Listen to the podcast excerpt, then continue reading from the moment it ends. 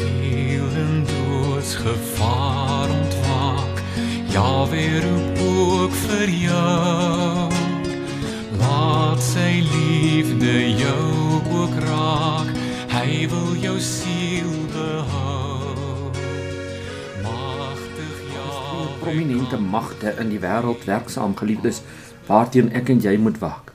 En hulle oefen geweldige invloed oor die mensdom en oor die nasies van die aarde uit.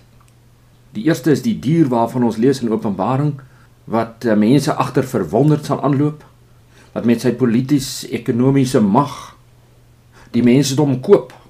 Ek het met u gehandel oor Mammon wat 'n agent is van hierdie dier wat sy mag oor die wêreld uitoefen. Nou geliefdes, die tweede mag is die valse profeet.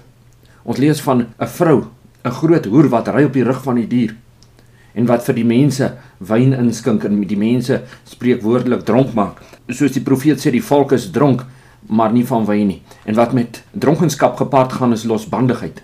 En dan lees ons van 'n hoergees wat in die volk se binneste is, sodat die volk van God nie in staat is om meer te hoor en te sien nie. Dat ons inderdaad 'n tyd betree van vermenging en afvalligheid voor God. Soos die woord sê dit sal wees soos in die tyd van Noag wat die mense geëet en gedrink en in die huwelik uitgegee het en gesê het môre sterf ons. Dis asof mense gaan aan in ons tyd geliefdes, asof God nie bestaan nie. En mense het ook nie regtig 'n saak met waar hy werklik met God staan nie en het hulle vir hulle uh, menigte leraars aangestel om vir hulle te preek wat hulle wil hoor en is ons lank al nie meer in hierdie land geliefdes binne die Christendom met waarheidsaanbidding besig nie. Die skrif sê God soek mense wat hom in gees en in waarheid aanbid met opregte bedoeling en oorgawe.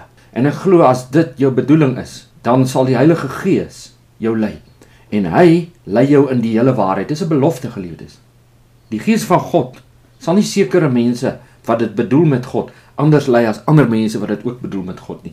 Die Gees van God sal ons dieselfde lei en daarom stuur ons af op die profetiese vervulling en inleiding van 'n magtige verlossing uit die mag van hierdie entiteite in die wêreld op die een van die pad waar die skrif vir ons sê die volk van God sal nie mekaar meer hoef te leer en te sê ken Jawe nie, hulle almal sal my ken.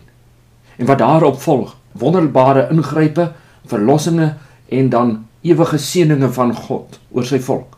Maar eers geliefdes, sal ons hierdie magte die hoof moet bied. Ons sal moet aantoon. U sien, Adam het geval deur sy ongehoorsaamheid in die tuin van Eden en bevind hom in hierdie vleeslik nietige liggaam wat tog so weerloos is vir die aanvalle van die bose.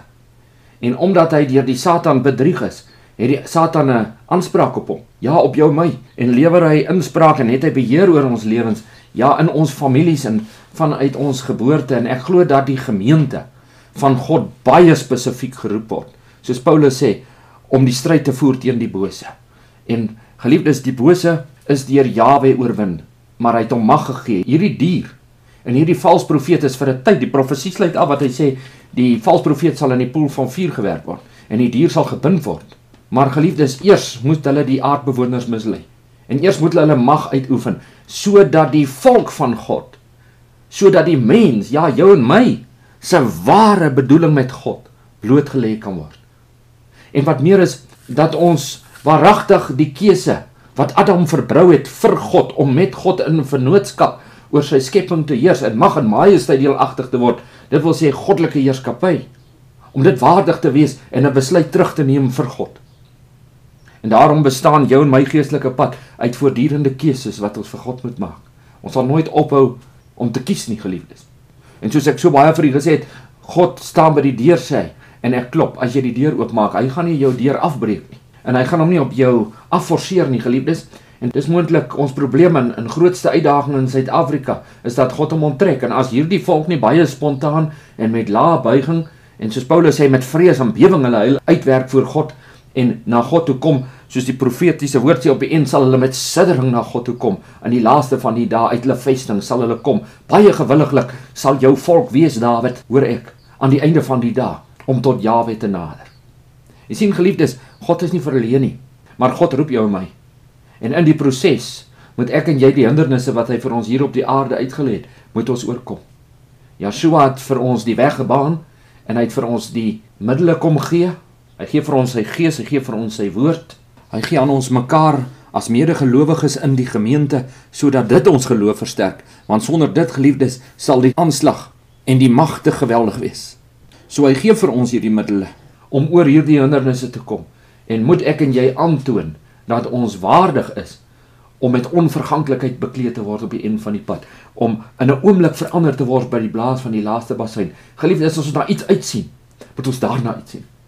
En met dit ons hoogste verwagting wees veral in die tyd wat ons nou betree as 'n wit volk in Suid-Afrika waar daar maar donker oomblikke op ons aanstorm. En het God min tyd met jou en my, maar moet ons weerstand bied. En as ons die dier en die geldmagte en die politieke mag van ons tyd sien vir wat hulle is. Jy sien dis al wat moet gebeur. Ek, ek moet die duiwel raak sien. Want hoe sal hy na jou en my kom? Hy sal kom as 'n engel van die lig. Hy sal so kom dat jy nie weet dis hy nie. Dis hoe hy vir Adam en Eva mislei. Dit is sy werkswyse. En ek wil vir u sê vanmôre, geliefdes, hierdie volk in Suid-Afrika is in totaal in die mag van die leuen uitverkoop. Hulle weet dit nie. Hulle is dronk gemaak deur die predikante van die kansels af met hulle wyn van losbandigheid en vermenging wat hulle inskink vir die mense. En so word hierdie volk passief en eintlik geparaliseerd gelaat sodat ons nie waarlik 'n tree vorentoe kan sit en standpunt inneem teen die bose nie. Ons is totaal uitgelewer hierdie volk in die mag van die bose. Die vraag is, sal ek en jy staande bly teen hierdie invloede wat daar in die wêreld heers? Jy kan nie 'n vriend van die wêreld wil wees en met God in 'n verhouding staan nie. Dis bedrog, want 'n vriend van die wêreld is 'n vyand van God. So ek en jy moet weet, ons gaan vyandskap ervaar in die wêreld. En daarom moet ons weerstand bied teen die duiwel en Yeshua sê as julle dit doen, sal hy van julle wegvlug want hy moet doen wat hy moet doen. Hy moet toetse.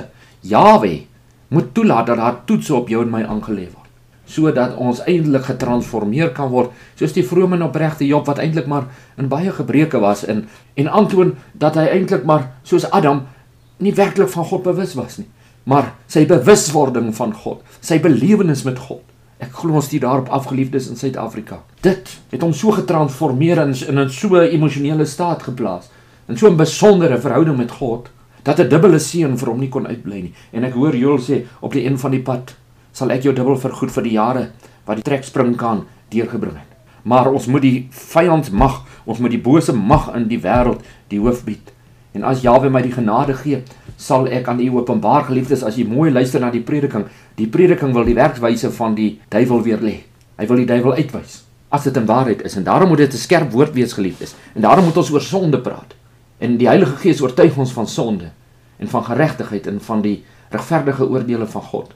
Want dit lê die werke van die duiwel bloot. Alles buig voor sy mag sy stem dan red hy jou ook nog van taan